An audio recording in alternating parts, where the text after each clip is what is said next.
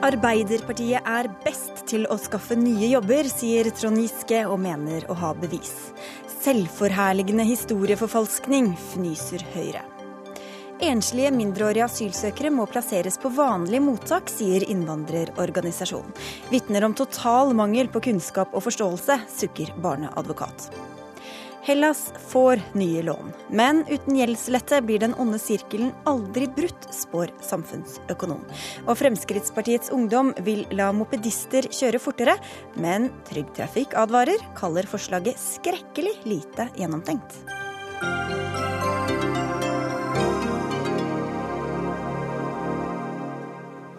Dette er noen av overskriftene i dagens Dagsnytt 18 på NRK P2 og NRK2, hvor vi også spør om alle bør ta et flyfritt år for klimaets skyld.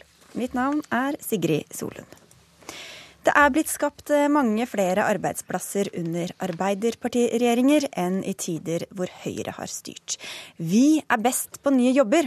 Hilsen deg i dagens VG, Trond Giske, du er nestleder i Arbeiderpartiet. Hvordan belegger du denne påstanden? Vi spurte Stortingets eh, utredningsseksjon om de kunne se på eh, de fire siste tiårene eh, hvordan sysselsettingsveksten i Norge har vært under Høyre-regjeringa og under Arbeiderparti-regjeringa. Og tallene som de kom tilbake med, var enda mer tydelige enn vi hadde forventa. Det er nesten dobbelt så høy sysselsettingsvekst i de periodene hvor vi har styrt, enn når Høyre har sittet i regjering. Og til sjuende og sist så er det jo resultatene av politikken vår som er avgjørende. Og selvfølgelig er det ulike enkeltfaktorer. Det er svingninger i verdensøkonomien, det er tilbakeslag, det er variasjoner i oljeprisen osv. Men over 40 år så utjevner nok dette seg såpass eh, på de ulike regjeringsperiodene at eh, det er i hvert fall ikke noe belegg for at Høyres oppskrift med skattekutt og høyrepolitikk gir større sysselsettingsvekst enn den aktive næringspolitikken som vi ønsker oss. Ja, hva mener du at dere har gjort som har gitt disse resultatene, da? Ja, jeg tror jo veldig mye mer på at eh, vi som et lite land satser offensivt på de klyngene og de næringsområdene hvor vi har fortrinn en aktiv politikk eh, inn mot verftsindustrien, inn mot prosessindustrien, sørge for gode felles offentlig-private finansierte såkornfond, gründersatsing osv. Aktiv distriktspolitikk, eh, næringspolitikk for landbruk, fisk. Eh, bruke hele landet og naturressursene våre på en helt annen måte enn denne passiviteten som bare handler om at hvis skattene for de rike blir lave nok, da kommer arbeidsplassene strømmende på. Når ikke det har virka på 40 år, da er det ikke så sikkert at det virker de neste 40 årene heller. Ja, Dette kaller du selvforherligende historieforfalskning, Svein Flåtten. Du er næringspolitisk talsperson i Høyre. Hvorfor er det det? Jo, Det gjør jeg fordi at uh, Giske underslår uh, viktige deler av rapportens uh, forutsetninger.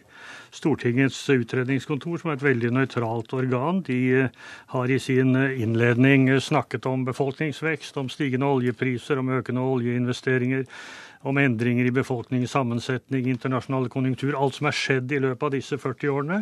Og så skriver de i innledningen sin dette er forhold som har stor betydning for utviklingen i samlet sysselsetting i et land. Og så kommer det. Og ikke som nødvendigvis er påvirket av hvilke partier som har regjeringsmakt. Og Derfor så mener jeg at uh, Giske underslår rapportens forutsetninger. Han misbruker rapporten fra Stortinget. Det Arbeiderpartiet og Trond Giske burde være interessert i å diskutere, det er den situasjonen vi er oppe i nå.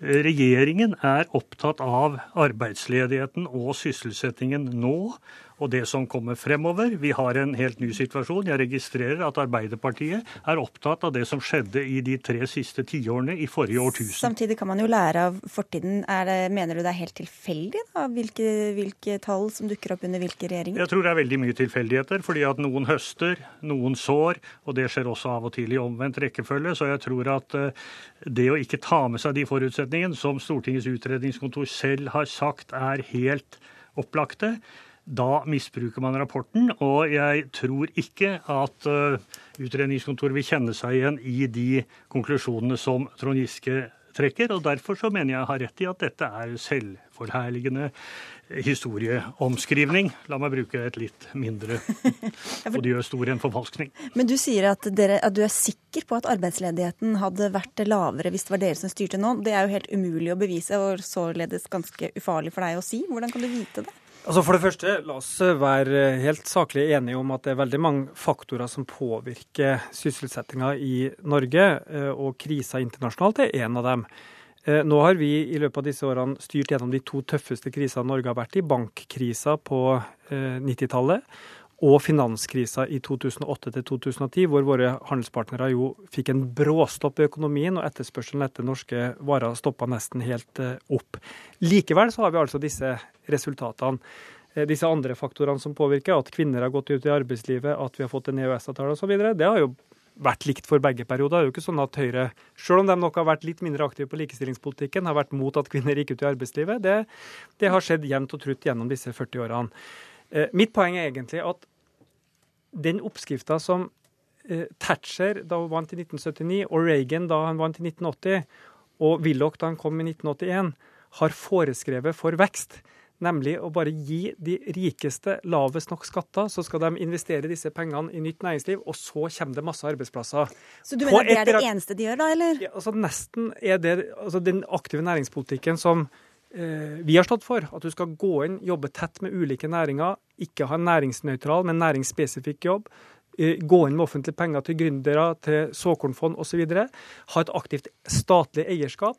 Dette er jo Høyre imot. De vil jo selge ned, de vil ha en mindre aktiv næringspolitikk, og de vil ha lave skatter. Og Mitt poeng er bare at når ikke ting virker på 30-40 år, da må man på et eller annet tidspunkt Og prisen i dag er 118 000 arbeidsløse. Så må man på et eller annet tidspunkt stikke fingeren i jorda og si at dette er skadelig for folk, vi må finne en annen kurs. Det gjør for lite og feil ting, Flåtten, sier Giske. Trond Giskes argumenter hører jeg fortsatt hentet fra 80-tallet, fra terrorismen og reaganismen. Vi gjør uh, veldig mye. Andre, men først og fremst så er vi opptatt av den ledigheten og mangel på sysselsetting som er nå, og det som kommer. Og vi gjør en mengde ting. Vi har uh, brukt mye mer penger på kunnskap, forskning, på næringsbasert innovasjon enn det man gjorde i den forrige regjering. Vi har 50% økning på samferdselsbudsjetter. Altså kunnskap, forskning til innovasjon, samferdsel er helt sentralt. I tillegg til skattelettelser, som vi skal komme tilbake til. Men når det gjelder ledigheten, så er det mye viktigere å snakke om graden av sysselsetting. Hvor mange av Norges befolkning er til enhver tid sysselsatt. For det er nemlig båndplanken og pilaren i velferdssamfunnet vårt. Og etter finanskrisen så har det vist en nedadgående tendens, og det viser at det er vanskelig å holde den oppe. Det har vært vanskelig for eh, Arbeiderpartiet i regjering, det er vanskelig for oss, og nå har vi en helt ny situasjon i og med at oljeprisene går ned. Det går, ikke an, det går ikke an å sammenligne med finanskrisen, Trond Giske, for det var en helt annen plutselig krise. Nå har vi en langsom krise som spiser seg innpå oss. Og hvor du kan det... føre en annen motkonjunkturpolitikk. Og så kan man jo spørre seg hvor er det disse arbeidsplassene dere skryter av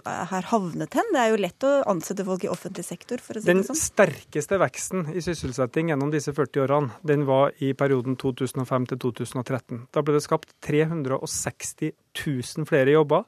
To av tre jobber var i privat sektor. Det er du Og, sikker på? Ja da, det har vi tall på.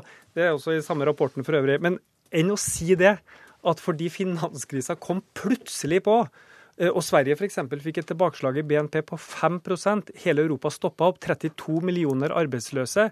Og så klarte vi gjennom hele den krisa å holde ledigheten under 4% Så var det en mye lettere krise å håndtere enn en som kommer langsomt. Det virker jo som at regjeringa er helt uforberedt på at man nå har fått 118 000 arbeidsløse. Og jeg bare spør Svein Flåtten, Gjør det inntrykk på deg at 118 000 mennesker nå står uten jobb? Gjør det inntrykk på deg at halvparten av den ledigheten på 30 000 som har økt under din vakt i finanskomiteen, eh, er ungdom under 25 år? At gutter under 25 år, nå er det 13% ledige. Det er det høyeste ledighetstallet på ti år, ja, siden sist Høyre satt i regjering. Trond Giske, nå må du skrive historien. Du må skrive historien på Nei, dette er Men du, stilte ham et spørsmål, da må du få lov å svare. Ja, la, meg, la, meg, få lov å svare. Altså Finanskrisen, tiltakene der var man helt enige om i et samlet storting. Nå er du i opposisjon. Du angriper oss på skattesiden. Skattelettelser er helt ubrukelig. Vi må jo stimulere til nye arbeidsplasser. Vi må jo stimulere til å få folk i jobb. Og skal disse arbeidsplassene skapes bare i det offentlige, når du trekker inn alle skattemidlene, eller skal de skapes av men, men, gründerne, av bedriftseierne rundt omkring i landet. Men ut fra, den, ja, ut, ja, ut fra den eh, statistikken som eh, Giske presenterte her, hvordan vet du at den oppskriften har virka, da? Altså, det er jo han som sier at hans oppskrift har virket. Altså, det er ja, skapt... Men hvordan vet du at deres oppskrift har virka, hvis ikke den har gitt flere arbeidsplasser ut Vi... fra den utredningen? Nei, men det er jo helt opplagt at uh, i den situasjonen vi er inne i, så vil du jo ikke se at tiltakene virker med en gang. Altså, vi har en avmatning i oljeindustrien.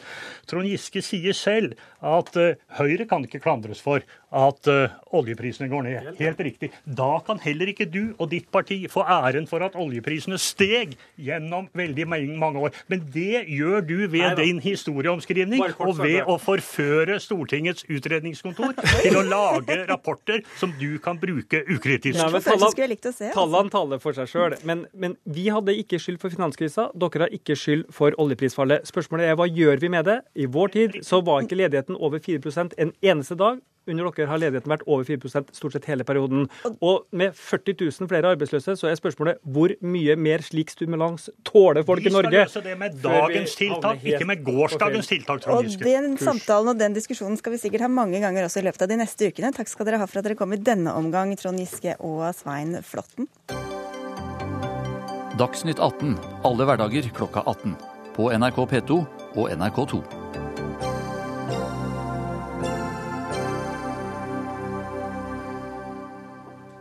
Forrige uke ble en politimann skadd da 20 unge asylsøkere forskanset seg i en gymsal og kasta stein mot politiet på et asylmottak i Lunder i Oppland. Mottaket huser enslige asylsøkere mellom 15 og 18 år. Denne episoden fikk eh, dere til å foreslå i Aftenposten at eh, slike unge asylmottakere uten familie i Norge heller bør plasseres på ordinære mottak sammen med voksne Sylotaraku. Du er generalsekretær i organisasjonen Likestilling, integrering og mangfold. Hvorfor hadde det vært bedre? Jo, Vi er skeptiske til rene ungdomsmottak, eh, fordi erfaringen viser at mottak med mange unge gutter eller menn er mer preget av uro enn ordinære mottak, der det finnes andre voksne og barnefamilier. Tilstedeværelsen av barnefamilier virker stabiliserende, konfliktdempende, og disse ungdommene har godt av å ha voksne rundt seg. Og da tenker vi ikke bare voksne som er ansatte for å ta vare på dem, men også andre. Voksne og barnefamilier. Men dette forslaget fyrte opp deg, Cecilia Dinerde. Du jobber som barneadvokat og har jobbet med asylsøker. Hvorfor er det en dårlig idé, syns du? Eh, jo, det skal jeg svare på, men aller først så vil jeg bare komme med noen kommentarer og viktig utgangspunkt. Og det er at disse barna, eh, enslige mindreårige asylbarn, de er særlig beskyttet av Barnekonvensjonens artikkel 22, som da skal gi disse barna særlig beskyttelse, men også samme beskyttelse som ethvert annet barn som av en eller annen grunn ikke har egne omsorgspersoner. Og dette er et veldig viktig utgangspunkt i denne debatten, fordi vi har jo da barn uten omsorgspersoner, og dette er også barn i særlig sårbare situasjoner, med i mer eller mindre grad psykiske belastninger. Hvis vi da tenker oss at vi skal plassere disse barna sammen med asylsøkere, voksne og asylsøkerfamilier, som vi jo vet allerede er i sårbare situasjoner, og som også til en grad eh, sliter med psykiske vansker pga. den situasjonen de er i, så er det jo klart at dette ikke på noen måte er en, en god løsning for disse barna, men heller ikke for de medfølgende barna til disse asylsøkerfamiliene. Og det jeg sier nå, det bygger jo på forskning og studier og barnevernfaglige vurderinger som for lengst mm. har blitt konstatert, ikke bare av fagfolk, men også av regjeringen og Stortinget. Og jeg stiller meg så undrende til at generalsekretæren kan komme med disse uttalelsene, og enda til dags dato så har han ikke klart å vise til hva han bygger på disse såkalte erfaringsmessige kildene. Ja, men Da kan jeg få svare på det. Hvordan vet du dette? Er det forskning, eller er det din egen erfaring, eller hva bygger du det på? Det er også forskning. Eh, Proba Analyse har laget en rapport eh, som er utgitt i 2014, hvor de har eh, sett litt på voldshendelser. Og de konkluderer klart at det er større eh, hyppighet i voldshendelser og hærverk i rene eh, enslige mindreårige mottak enn i ordinære mottak. Det, det, det motsatte ville vært eh, rart. Eh, det, det, det ene. Det andre er at eh, forskere og fag, fagpersoner er enige om viktigheten av voksenkontakt for ungdommer. Og at ungdommer det, trenger å Er det de i asylmottaket som er den voksenkontakten de trenger da, tror du? Hva, hvorfor ja, tror du de ville fått det bedre der da? Vi, vi snakker om avdelinger tilknyttet ordinære mottak. Og det er noe som allerede eksisterer. Men vi foreslår at man går mer i den retningen enn å opprette rene enslige mindreårige mottak. For det, det, man har gode erfaringer fra disse avdelingene. Det som er bra med egne avdelinger i tilknyttet mottak, er det er fordeler for unge asylsøkere. Fordi de blir en del av et større sosialt miljø med voksne, med andre, andre barn, med andre barnefamilier. Eh, som, som, kommer, som, har samme bakgrunn, som de kan kommunisere med, på samme språk, som kan forstå dem. Eh, og Det andre er at eh, disse avdelingene vil få forsterket bemanning. Eh, og det vil komme andre asylsøkere til gode på det samme mottaket. Ok, Så vinn-vinn da, Dinardi, eller? Ja, det høres jo så veldig enkelt og fint ut, det. Men eh, for å si det forsiktig, det er for meg fullstendig uh, uforståelig at han kan vise til. For det første, den Proba-rapporten han viser til, det er jo en rapport som ble bestilt av UDI, og som han selv sier skulle kartlegge eh, voldsatferd i, i, mottakene. Og den rapporten den konstaterer jo faktisk selv der at dette er barn i risikogrupper og med psykiske belastninger. Den sier ingenting om at erfaringen viser det ene eller det andre om behovene til disse ungdommene. Og når det gjelder dette med bra med voksenkontakt, ja vel. Jeg tenker at hvis vi har eh, voksne i sårbare situasjoner og barnefamilier i en betydelig sårbar situasjon, som det jo er å være i en asylsøkerstatus, så kan man jo faktisk stille seg det store spørsmål hvilke type ressurs kan de være for disse ungdommene. Og endelig så må jeg også spørre hvorfor og hvordan kan det ha seg at vi skal forsvare at disse ungdommene skal plasseres i samme bobase og omsorgsbase som dem, når øvrige barn i Norge Vi vet at det, det er ikke riktig, det er ikke bra for dem at de ikke skal kunne få særskilt tilrettelegging og tett oppfølging. Ja, altså jeg klarer ikke å se noe motsetningsforhold mellom det å, å, ha særskilte rettigheter som barn og det å bli plassert i egne avdelinger tilknyttet mottak. Men spørsmålet er om det, om det er hva slags ressurs disse voksne menneskene her, som har nok å tenke på selv, for å si det sånn, er for det, de ungdommene? Eh, klart, helt klart at de er ressurs.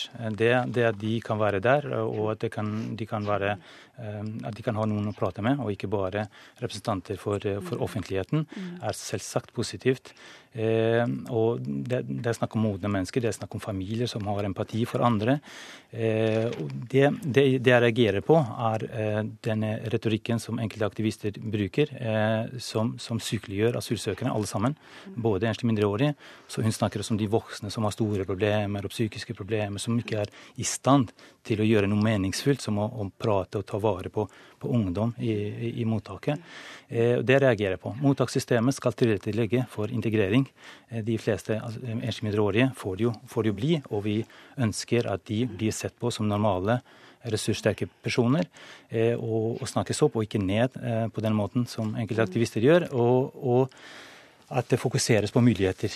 Du er vel aktivisten her, din Erling? ja, jeg omtales jo nå plutselig for å være det, men eh, det får jeg heller bare ta som det er. Jeg vil egentlig råde eh, Sylo til å sette seg grundig i den forskningen vi har, og da først og fremst NTNU-rapporten, som da både viser til ganske brede kilder og konkluderer også med at denne gruppe er en gruppe med betydelige eh, psykiske belastninger, men også at eh, asylsøkere i asylsøkerstatus og i asylmottak sliter veldig mye. Men jeg må bare også si en ting til.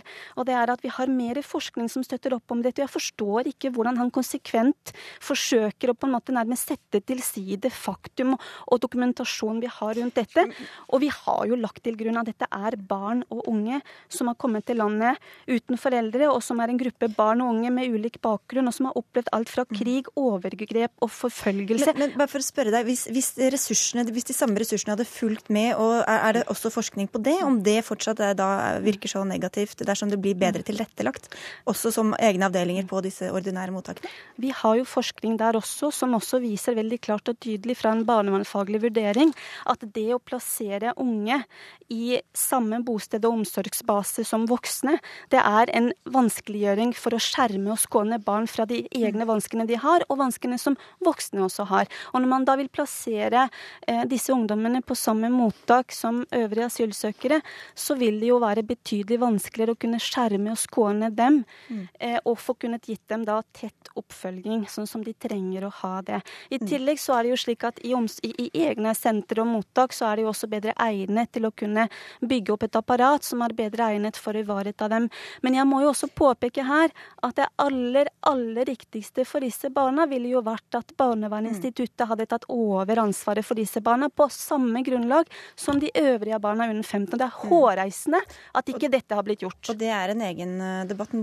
Tida renner ut her. Sylu du kan få avslutte her. Ja, nei, altså jeg, jeg, reagerer på at voksne blir normale voksne mennesker, og barnefamilier frem, fremstilles som noe farlig og, og truende. Har jeg aldri sagt, eh, Sylo. ikke tillegg meg uttalelser jeg ikke har sagt. Det har jeg aldri sagt. Det, det sa du nå, ikke sant? Nei, jeg har aldri sagt at de er farlige, men de skal skånes for sårbare situasjoner. Ja, ja. Men, uh, jeg har aldri sagt at de er farlige. Uh, erfaring med de uh, avdelingene som finnes i dag, er positive. Vis gjerne til kilder om de uttalelsene du kommer med. Senest i dag jeg ringte de og spurte om erfaringer med de elleve ja. avdelinger. Og hvilke kilder har du vist til? Proba-rapporten er det eneste du har vist til så langt. Ja, er, er ikke det nok, da? Nei, det er jo ikke det. ikke, ikke nok. Dere får gjøre leksa di, Sylo, og, og les rapporter. Jeg kjenner mottakssystemet. Jeg har sittet i Berge-utvalget og, ja. og, vært med å utrede mottakssystemet. Så. I 2010, ja. Jeg vet at dere har en pågående diskusjon på Facebook. Den får fortsette i tråden der. Men tusen takk skal dere ha begge to for at dere også løftet den inn i Dagsnytt 18. Sylo Taraki fra LIM og Cecilia Dinardi, som altså er advokat.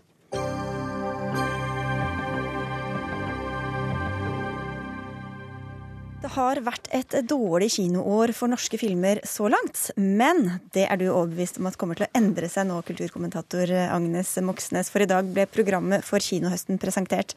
Hva er det som kommer til å lokke oss inn i kinomørket, tror du? Jeg tror først og fremst den filmen som skal åpne filmfestivalen i Haugesund nå på søndag. Hvis det viser seg å være en bra film, eh, så er det altså Norges første katastrofefilm.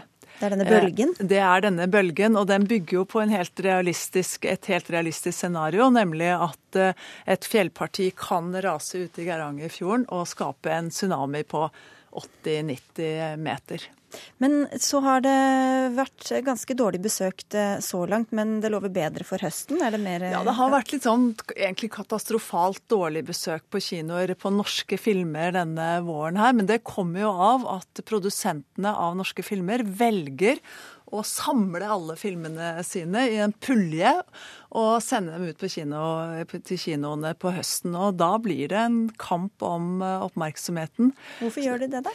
Ja, altså det, de gjør det jo fordi de mener at det er en mye bedre kinotid. Og de har liksom ikke det De kan ikke tape når de sender ut en film på markedet. Og da kalkulerer de med at det er lettere å få et publikum eh, på høsten enn på våren og sommeren. Og sommeren i år har vært fantastisk på kino, men det er jo fordi det har regnet, og det kan vel kanskje ikke kinoprodusenter legge inn i kalkylene sine. Dårlig tegn for regissøren hvis ja. produsenten velger å sende filmen i april, altså. Men eh, regissør Karianne Bo hun kommer med filmen 'Pøbler', som handler om Eddie Eidsvågs pøbelprosjekt, der han hjelper vanskeligstilte ungdommer. og Det er en av de eh, filmene som det er visse forventninger til. Vi skal høre et eh, lite utdrag fra den. Jeg syns det er jævlig rart at du har gått ti år i norsk skole og ikke lært å lese. Da jeg var liten, ja. Så kasta jeg hele stol på læreren istedenfor å lære å lese. Mitt mål her er at innen tre måneder så har du fast jobb. Det er mitt mål. Hva har du gjort? Ikke damn shit. Jo, det har du. Jeg har fått barn, da. Hold kjeften din! Jeg snakker ikke til deg nå!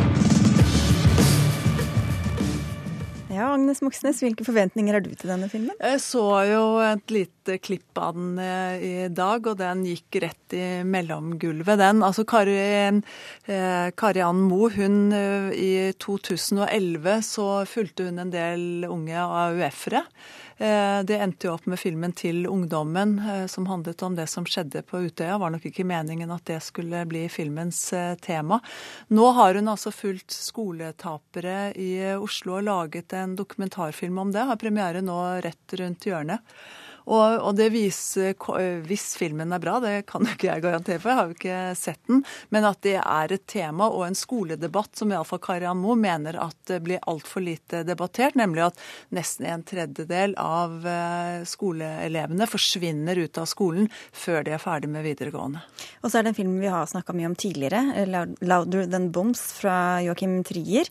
Den var jo nominert til Gullpalmen i Cannes. Nå er den klar for norske kinolerreter. Hvordan tror du den blir mottatt av det norske publikummet? Filmene? Altså, Joakim Trier har et publikum, eh, både i Norge og i utlandet. Den filmen er solgt i 100 land. Eh, men altså, det er mange denne høsten her Det er masse familiefilmer, masse kjente konsepter. Eh, det er Solan og Ludvig, og det er Knutsen og Ludvigsen, og alle roper veldig høyt om oppmerksomhet. Og spørsmålet er jo liksom da hvilken plass og hvilket rom de litt mindre og lavmælte filmene får. Vi får se. Takk skal du ha, Agnes Moxnes, for at du kom til Dagsnytt 18.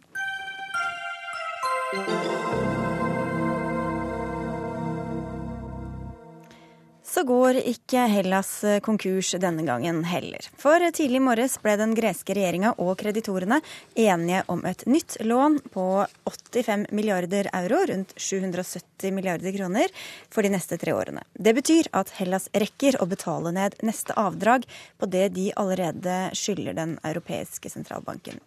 Steinar Juel, er sjeføkonom i Nordea Markets. Hva er det den greske regjeringa har gått med på for å få disse pengene? Ja, Det gått med på mange ting. De har jo allerede også vedtatt noe rett etter at eh, man ble enige om en skisse til en avtale. Eh, men i tillegg skal de nå også etablere et eh, eget privatiseringsfond. De skal ha en større pensjonsreform. De skal effektivisere skatteinnkrevingen. Og de, de, skal også da ha satt visse mål for hva slags budsjettbalanser de skal ha i de nærmeste årene fremover, for å nevne noe og til gjengjeld kan de bli værende i eurosonen og så få nye lån. Hvor bærekraftig er det på sikt å ta opp nye lån for å betale ned gamle? En del, av, en del av dette vil jo være å erstatte lån som forfaller. Eh, og så er det trolig at de også må ha behov for å låne noe ekstra, fordi, fordi de nå har fått underskudd eh, på, på statsbudsjettet igjen. Eh, Bl.a. fordi skatteinngangen sviktet under den krisen som de har vært gjennom nå siste, siste halvåret.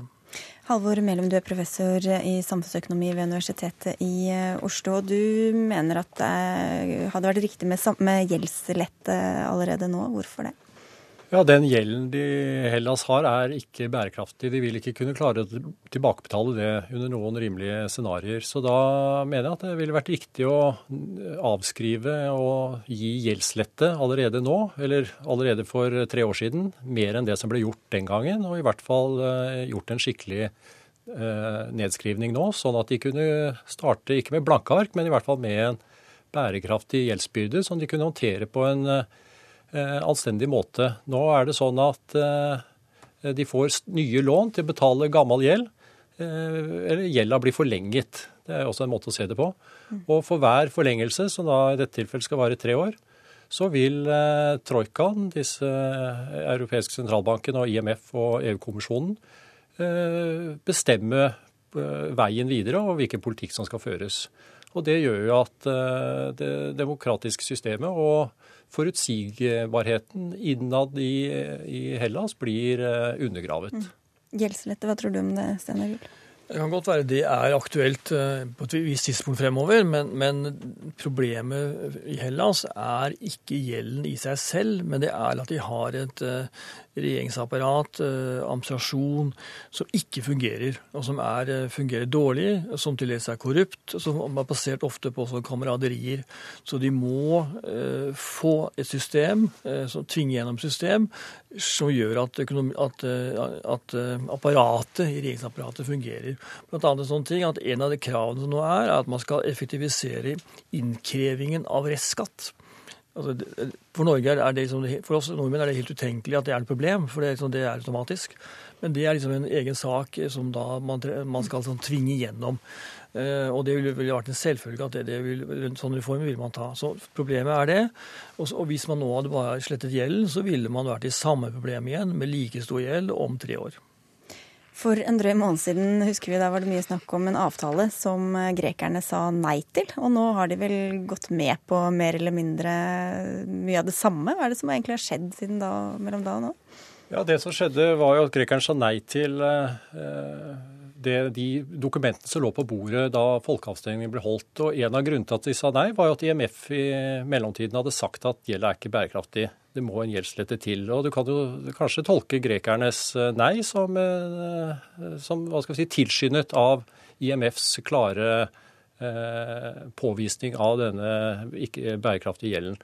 Så det som har skjedd i mellomtiden, er at EU-landene ikke ville være med på den diskusjonen i det hele tatt. og satte foten ned og sa at eh, skal dere være med i eurosamarbeidet, så er det vi som skal bestemme betingelsene. Så alt var helt meningsløst da med hele den folkeavstemningen, eller? Eh, det var ikke meningsløst. Eh, du kan si at i etterkant så, så ble jo EU-landet så provosert at kanskje Hellas fikk en dårligere deal enn det de ellers ville fått. Så sånn sett så var det jo et spill som falt uheldig ut for grekerne. men men men meningsløst var det ikke, fordi at det understreker eh, problemet med å drive et land eh, som har en sånn gjeldsbelastning, at det får disse politiske konsekvensene, og det er en del av virkeligheten. Så igjen, så verden er full av eksempler på land som ikke har hatt en bærekraftig gjeld, og hvor det politiske systemet har gått i stå, snarere enn å bli disiplinert pga. hvordan kreditorlandene håndterer saken. Eh, det er mye godt i, i de reformforslagene fra EU-landene. Eh, eh, men jeg vil jo tro at grekerne ville vært i stand til å kreve av politikerne sine at de skulle effektivisere skatteinnkrevingen også. Så jeg, ikke, jeg, tror ikke at dette løses utenfra på den måten som, som Juel ser ut til å ønske seg. Vel, nå har grekerne hatt mange år til å prøve å gjøre dette, rette dette opp. Det har vært et problem i, i gresk eh, politikk og styring nå i 40-50 år at de har hatt et dårlig system. Eh, fra før de, før de hadde junta, og etter et, et de hadde junta, og etter at de også ble medlem av EU og eurosonen. Så, så, så jeg, jeg, tror ikke de hadde greid dette. og Derfor så var det fundamental mistillit som gjorde seg gjeldende her. Og det, nå, det, nå, er det blitt da en avtale, og den er kommet veldig fort. Eh, og Raskere egentlig det jeg hadde trodd skulle skje, med de, de, det som det lå an til. Og det er veldig positivt, og det, det er i steg i riktig retning av å bygge opp en tillit igjen.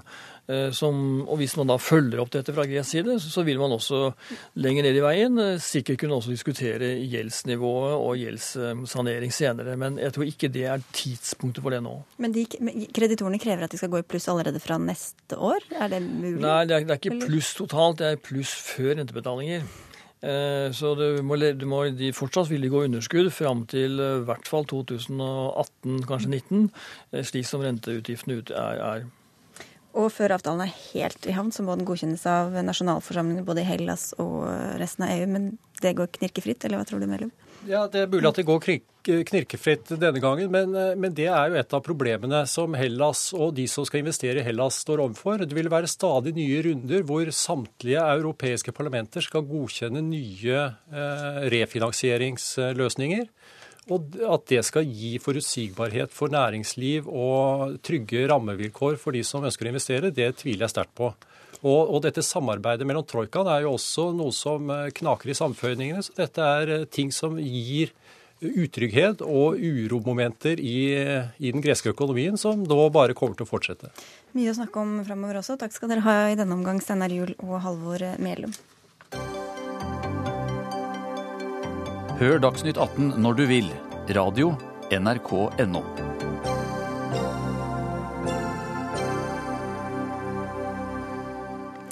Hvor mye av klimakampen bør overlates til myndighetene, og hvor mye skal hver enkelt av oss gjøre? Alle som er opptatt av klimasaken bør slutte å fly, og fly er den aller mest energikrevende og klimaskadelige handling et menneske kan gjøre, mener klimaforsker Kevin Anderson, som selv har sluttet å fly. Og du har tatt ham på ordet og tatt et flyfritt år, kunstner Gunilla Holm Plato. Hva fikk deg til å gjøre det? Det var det at jeg er opptatt av klima og miljø, og jeg hadde lyst til å ha et nyttårsforsett som handla om klima og miljø. Og siden det, som du sier, er det mest energikrevende og miljøskadelige vi gjør som enkeltpersoner, så passa det godt å ta et flyfritt år. Hvor vanskelig har det vært så langt? Det er faktisk eh, ganske utfordrende både når det gjelder ferievalg og jobb. Jeg reiser mye i jobben min, så eh, det har blitt en del tog, da. Og det er eh, utfordrende i disse dager. Men vi mener du at alle burde gjøre det? Hva, hva kan vi i så fall vinne på det? Eh, jeg syns alle burde ta stilling til hvor mye de trenger å fly. Eh, det har blitt veldig veldig billig å fly, så jeg syns diskusjonen kan bli kanskje ikke hvor vi skal fly neste helg, men heller hva skal vi gjøre for å redusere flytrafikken. Hvorfor skal vi fly mer og mer, og hvorfor skal Avinor bygge ut flyplassene i Norge. De skal bruke milliarder på det. Jeg syns det er feil vei å gå, da. Vi må snu det. Vi må debattere hvordan vi skal redusere flytrafikken. Torbjørn Lothe, du er direktør for NHO Luftfart, som bl.a. organiserer flyselskapene. Dere er kanskje ikke så veldig overraskende ikke så begeistret for dette forslaget? Nei, Det kan du trygt si. Jeg syns jo det er, egentlig det her er litt tullete. Uh, utgangspunktet er jo helt feil. Luftfarten er ikke, miljø, er ikke en sånn miljøversting som man vil ha det til. Luftfarten i Norge står for 2% 2% av klimagassutslippene. Ja, det er bare innenriks. Legger du til utenlandstrafikken, det som går ut og det du fyller drivstoff i Norge for å reise ut, så snakker vi om ca. 4 Altså vel 2,3 millioner tonn klimagassutslipp i året. Det er helt marginalt i forhold til de store utfordringene på klimasida. Slik at det blir et helt feil ja, utgangspunkt. Reiser du med fly mellom, Reiser du med fly f.eks. mellom Oslo og Bergen, et moderne fly, eh, så bruker du ca. 11 liter drivstoff per sete. Kapasitetsutnyttinga på et fly i Norge ligger på ca. 80% og du flyr direkte, altså du korter ned reisedistansen i forhold til tog eller bil som går sikksakk over fjellet. Slik at fly, fly er et veldig egnet transportmiddel i Norge, og det er faktisk betydelig mer energieffektivt enn det var for få år siden. Og vi står nå foran en epoke med innfasing av biodrivstoff som gjør luftfarten enda mer miljøvennlig. Ja, da er det din tur. Ja, Det syns jeg er supert at de tenker på biodrivstoff, men jeg tenker på akkurat nå så er det ikke spesielt miljøvennlig å fly. Og det kan jo ingen si er feil. Og hvis du sitter da på et halvfullt fly til Australia f.eks., da, det er veldig få som kjører bil til Australia, så er jo ikke det miljøvennlig. Det er jo det, er det mest miljøskadelige jeg kan gjøre som enkeltperson. Folk, folk, reiser jo ikke med fly fordi det er moro. Man sitter ikke oppe i et eh, metallskall i himmelen fordi det er moro. Man sitter i eh, fly fordi man har behov for det, enten pga. velferd eller pga. nytte for næringsliv. Men behov, det er, jo, det er jo mange som reiser. De tar helgetur til New York, de reiser til Thailand i, i jula og til Kreta om sommeren. Er det behov som styrer det? Halvparten av flytrafikken er innenlands. Vi har 50 flyplasser i Norge fordi Norge er et langstrakt land eh, med fjorder og fjell, som gjør at luftfarten faktisk er det eneste eneste landsdekkende kollektive transportmiddelet vi har. Som gjør, folk, ja, men som gjør at folk kommer til sykehus, som gjør at du får besøkt din bestemor og din bestefar, og som gjør at du kan drive næringsliv i Norge. Så blir Norge mer og mer globalisert. Vi driver handel. Sunnmøringen skal til Brasil og selge hydraulikkpumpene sine. Nordlendingen skal til, ut i verden for å selge fisken sin. Da må du reise med fly. Vi har ikke alternativer når vi skal ut i verden. Og det aller, aller meste det er nyttetransport. Så kan man si at noen kanskje reiser på ferie. Men hva skulle Hellas gjort da, hvis ikke turistene kom dit? 20 av eksportinntekten i Hellas det er turisme, og som kommer med fly.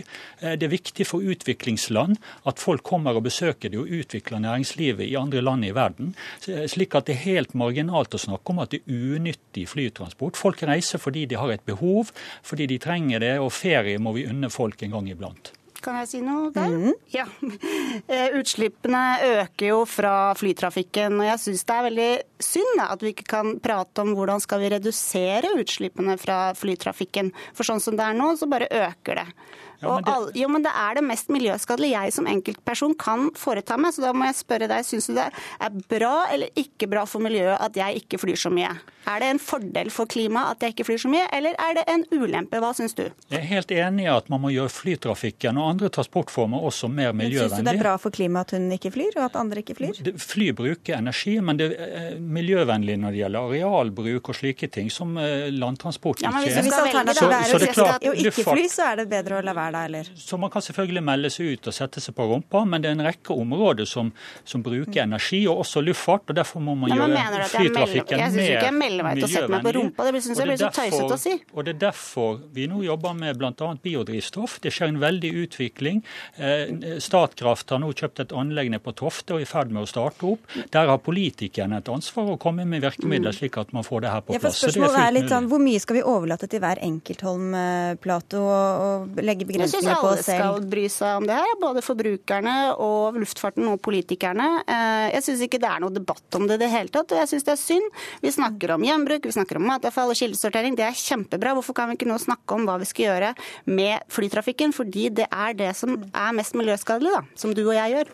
Men, bare for å spørre deg også, for Du snakker mye om den nasjonale flytrafikken og, og reise, sånne reiser. Men hvis vi tenker internasjonalt også, så er det vel ingen som Det, det havner ikke på noens klimaregnskap, denne internasjonale flytrafikken. Den, Den er ikke en del av Kyoto-protokollen. Det er ikke noen insentiver nødvendigvis for en regjering å kutte ned på den internasjonale flytrafikken. Er det da bra at hver enkelt har ansvar for å kutte ja, sine reiser? Det er delvis riktig. Nå har ICAO, som en internasjonal FN-organisasjon, bestemt at de skal lage et kvotesystem også for den internasjonale trafikken. Man betaler jo kvote i dag for, for den europeiske trafikken. Og man har endog en CO2-avgift på toppen av det hele. slik at luftfarten betaler alle kostnadene ved drift og de indirekte kostnadene knytta til miljø. De pengene kunne vært brukt til å utvikle ny, nye drivstofformer, f.eks., altså biodrivstoff. Og, og Da ville luftfarten blitt enda mer klimavennlig, og energiforbruket ville gått ned. Så jo mer vi flyr, desto mer klimavennlig blir flyene? Ja, Det blir ikke langt unna hvis vi får biodrivstoff. fordi luftfarten er eh, skånsomt på natur. Eh, vi flyr i himmelen og forstyrrer ingen på bakken underveis. Og det er en effektiv transportform fordi du flyr direkte. Det gjør ikke bil og tog. Eh, slik at det er en fornuftig transportform. Men enn så lenge så er det den mest forurensende måten jeg kan bli transportert på, da. Men da må jeg høre med deg, for nå... Det, det, er også feil. Nå... Altså, for det jo, men En flytur til London forurenser like mye som et halvt år med bilkjøring. Alle vet jo det, at det er eh, forurensende å fly. Kan, du kan jo ikke nekte på at det er forurensende å fly. Flyr du til Bergen, så bruker du 11 liter per sete. Hvis du har en, en 70-80% kapasitetsutnytting, så blir det ca. Ja, 14 liter per sete per reisende. Kjører du med bil La meg få snakke ferdig. Kjører, du med, kjører du med bil, så bruker du en personbil, bensinbil, bruker ca. 30-35 liter på en sånn tur. Slik at du må ha mellom to og tre passasjerer i snitt eh, for at det skal være mer effektivt å bruke bil. Ja, Tilsvarende altså, hurtigbåt, f.eks., som mange tror er effektivt. Og hun snakker om internasjonalt. Nei, men da må jeg helt avslutningsvis uh, spørre deg, da, Gunilla Holm Plato. Ja, men kommer du til å fortsette? Blir det flyfritt neste år også? Ja, neste år så skal vi dra til Sverige, så da blir det vel uh, ikke fly, nei. nei. Da får vi ønske lykke til på ferden til neste år, og tusen takk for at dere var med i Dagsnytt 18, Torbjørn Lote fra NHO Luftfart og Gunilla Holm Plato, som altså er kunstner og flyfri.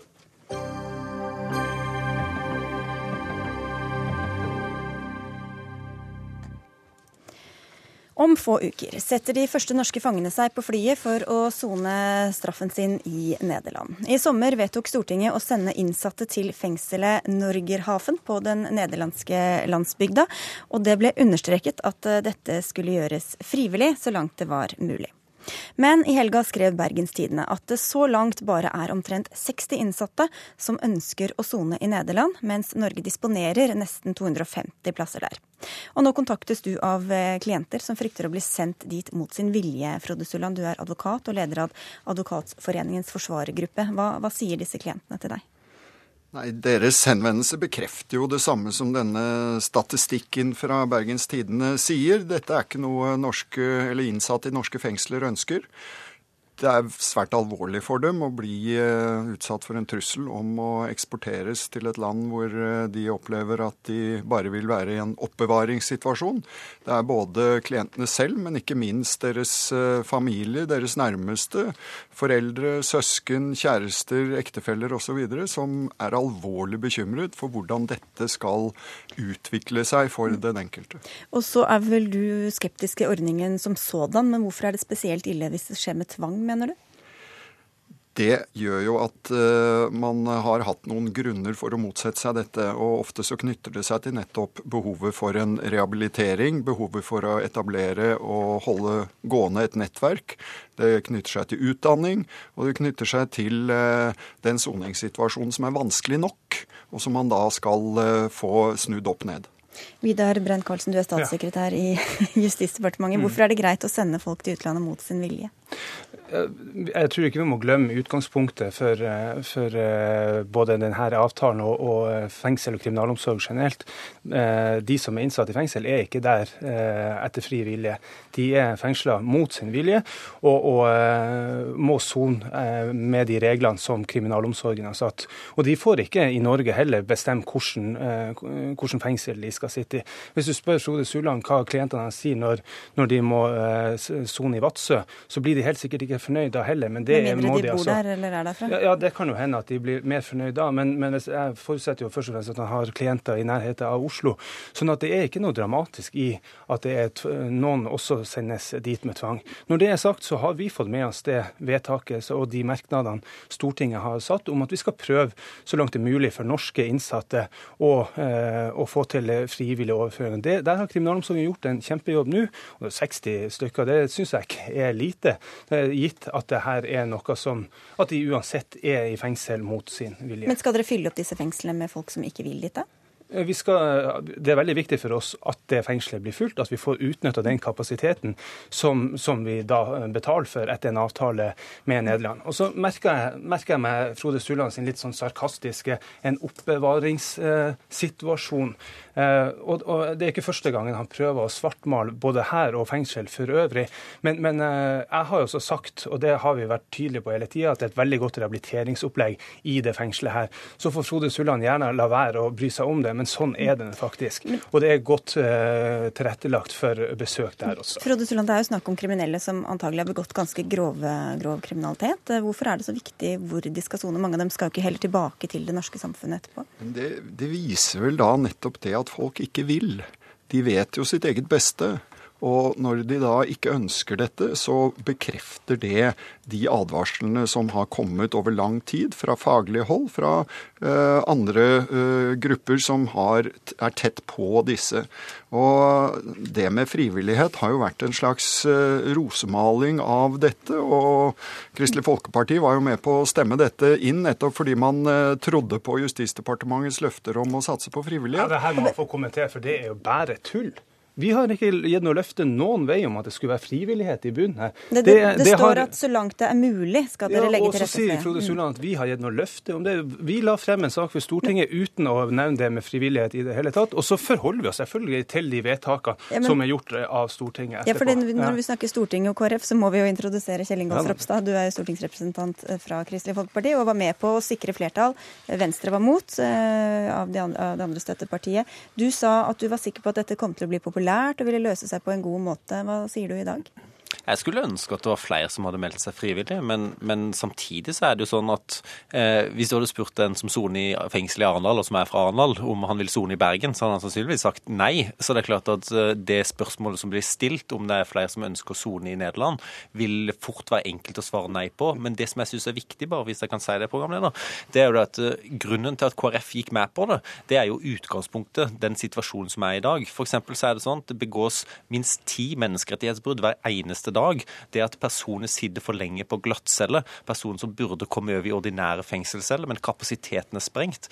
Grunnen til at vi gjorde dette, var jo for å frigjøre kapasitet, sånn at de kan komme over, og at varetektsfanger istedenfor at de blir sluppet fri, kommer. Men hvor, hvor, viktig var dette med frivilligheten for at dere gikk med på det, da? Ja, Det var en viktig bit om at de skulle gjøre mest mulig. Så jeg har jo vært tydelig overfor Brein Karlsen at eh, det er om å gjøre å gjøre flere tiltak for at flere skal kunne reise frivillig, fordi jeg tror det er positivt for de enkelte. Så slipper vi mye bråk rundt saken. Eh, jo, jo, enklere det kan gjennomføres uten motstand fra de innsatte, jo bedre tror jeg rehabiliteringa blir. Men jeg vil òg understreke at jeg har besøkt Nederland, fått en grundig presentasjon av opplegget, og når jeg har sagt at jeg tror det kan bli populært, så er det fordi at hvis du har besøkt f.eks. Arendal fengsel, som er et eldgammelt fengsel fra 1860-tallet som har elendige forhold, så er det sammenligna med det fengselet i Nederland noe helt annet. Og der vil de òg kunne få arbeidstrening, vil kunne få mange ulike fritidsaktiviteter. Ja, de, vet de vet kanskje ikke helt hva de har å velge mellom, For norske innsatte så er det jo ikke de materielle forhold som har noen betydning. Det er selvfølgelig helt andre viktige elementer som har betydning for deres mulighet for trivsel, for rehabilitering og motivasjon for å overleve soningen og komme ut i en eh, rehabilitert tilværelse etter at de har gjennomført sin fengselsstraff. Men jeg må gripe fatt i at uh, dette er et tiltak for å få ned soningskøen og da gå rundt og ha tro på at man skal begrense glattcellebruken når man skal hindre at soningskøen er lang, det er også å prøve å, ikle denne brura keiserens klær. Frode Sulland lest merknadene fra Stortinget, for meg er veldig tydelig på at en klar forutsetning for det er at de tallene skal gå ned. Jeg trodde Frode Sulland var opptatt av å få ned glattcellebruddene. Jeg er veldig opptatt av det, men jeg vet at dette er et eh, argument som har vært brukt tidligere. Da Halden fengsel ble brukt, var det akkurat den samme argumentasjonen. Det medførte en svært kortvarig reduksjon av glattcellebruken, og det har ikke hatt noen virkning for øvrig. Og det kommer ikke dette å ha heller. Vi har snakket mye om glattcellebruk her også. Men... Det henger også veldig mye sammen med at 400 andre plasser ble lagt ned. Jeg hadde også ønska at Frode Sulland kunne se at vi faktisk prøver nå å løse det problemet som det du har vært opptatt av så lenge, bl.a. med dette tiltaket. Og Da nytter det ikke å bare sitte og klage på det her. Vi skal behandle de innsatte ordentlig og skikkelig. De skal få rehabilitering, og de skal komme tilbake mindre med, med, klar for å ikke begå mer kriminalitet. Men hva blir annerledes for de som sitter i Nederland enn, de som sitter i Norge, da, med tanke på denne rehabiliteringen eller utdanning eller hva det er som skjer i disse fengslene? Nei, altså Utgangspunktet er at det ikke skal være noen forskjell. Og noen kommer, noen kommer litt lengre hjemmefra enn det, de, eh, enn det, som er det primære ønsket.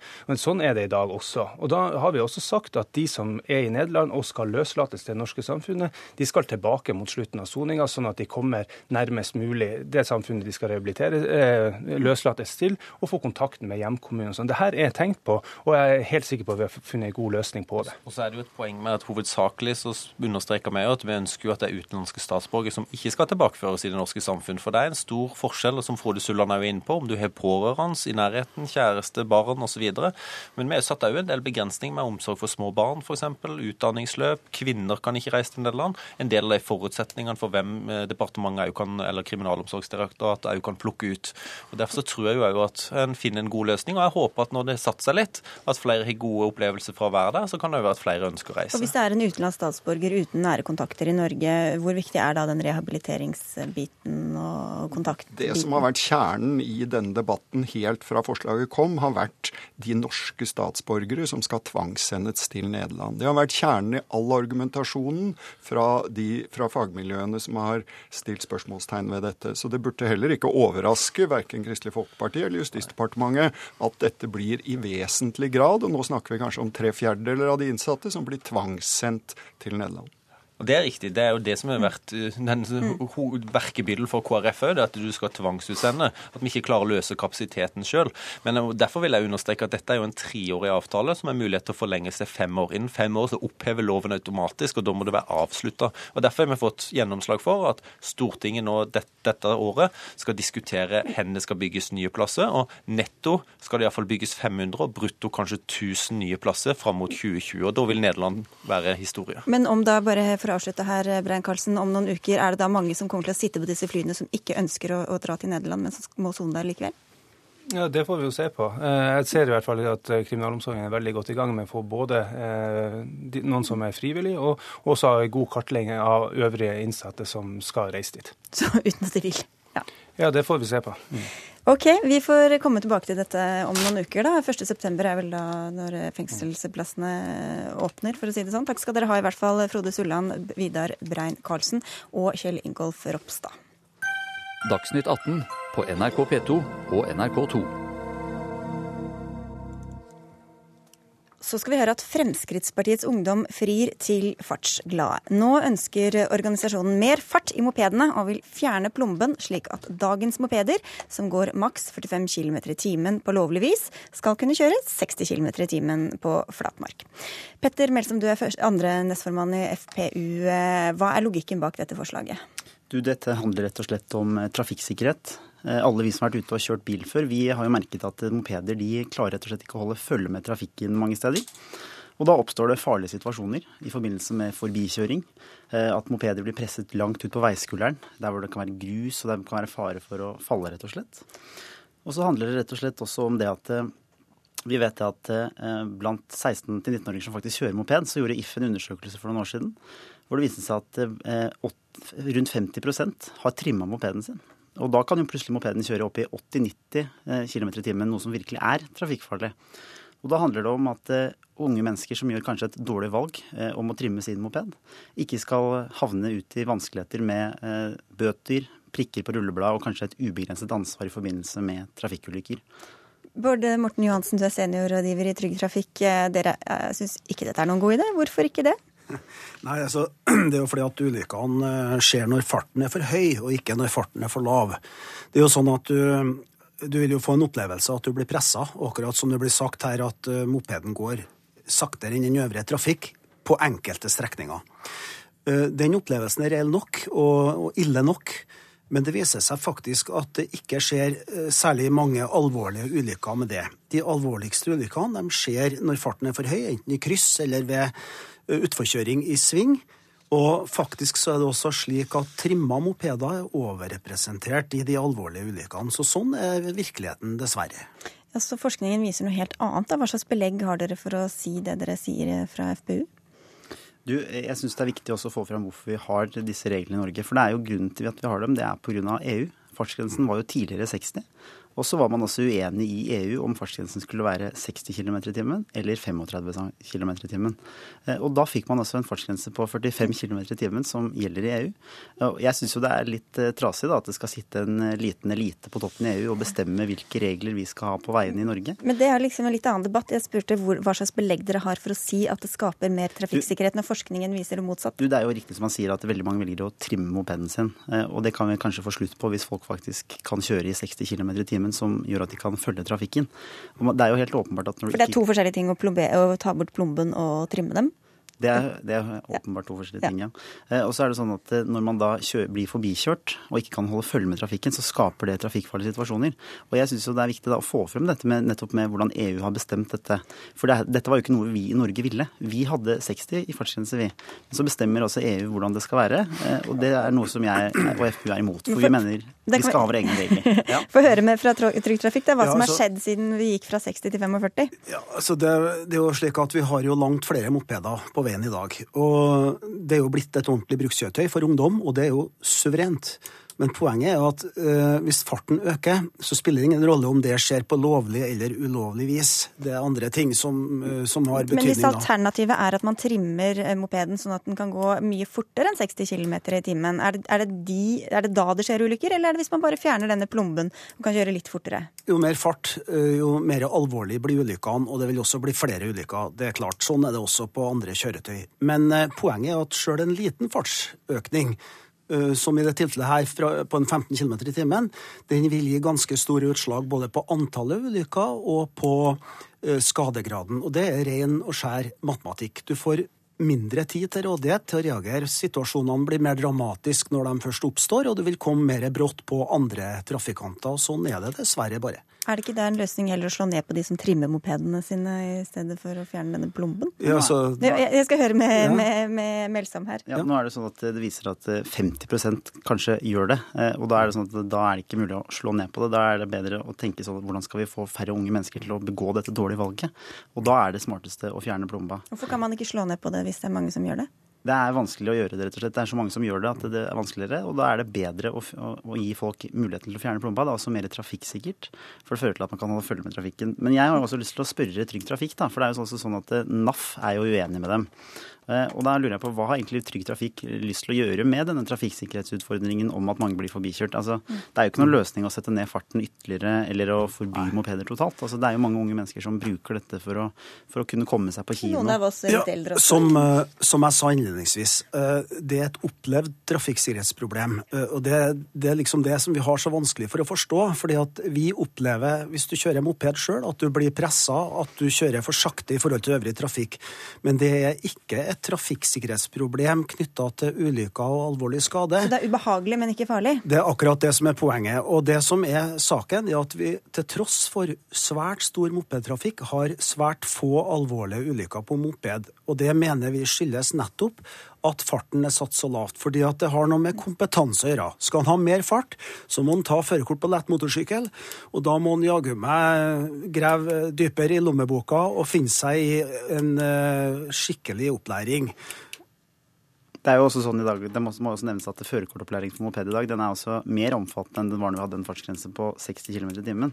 Og Jeg, jeg syns jo det er litt sånn uh, at man bare skal ja. avfeie denne opplevde trafikksikkerhetens uh, utfordringen med å si ja. at det er, det er, en opplevelse. Uh, det er jo en høyst reell sak. Ikke hvis det ikke ja. er ulykker, da. For all del, det er en reell sak. Det er en reell sak at folk opplever at det er lite trafikksikkert. Helt, helt, enig, men da må vi spørre oss er det den opplevelsen, det ubehaget, vi skal gjøre noe med, eller er det eh, skade og død vi skal gjøre noe med. Og Vår oppgave ligger på trafikksikkerhet, og da forholder vi oss til risiko, som ofte er knytta til fart. Og så må dere overtale EU først også, det kan jo bli litt vanskelig med. Men det, det, er jo sånn at Da kan vi opprette en ny kjøretøyklasse. Det er jeg helt sikker på at vi kan få til. Ok, det Vi får eh, ta den debatten videre en annen gang. Takk skal dere ha i hvert fall for at dere kom, Petter Melsom og Bård Morten Johansen fra Trygg Trafikk. Sara Victoria Rygg, Eli Kirkjebø og jeg, Sigrid Solund, takker for oss i dagens Dagsnytt 18.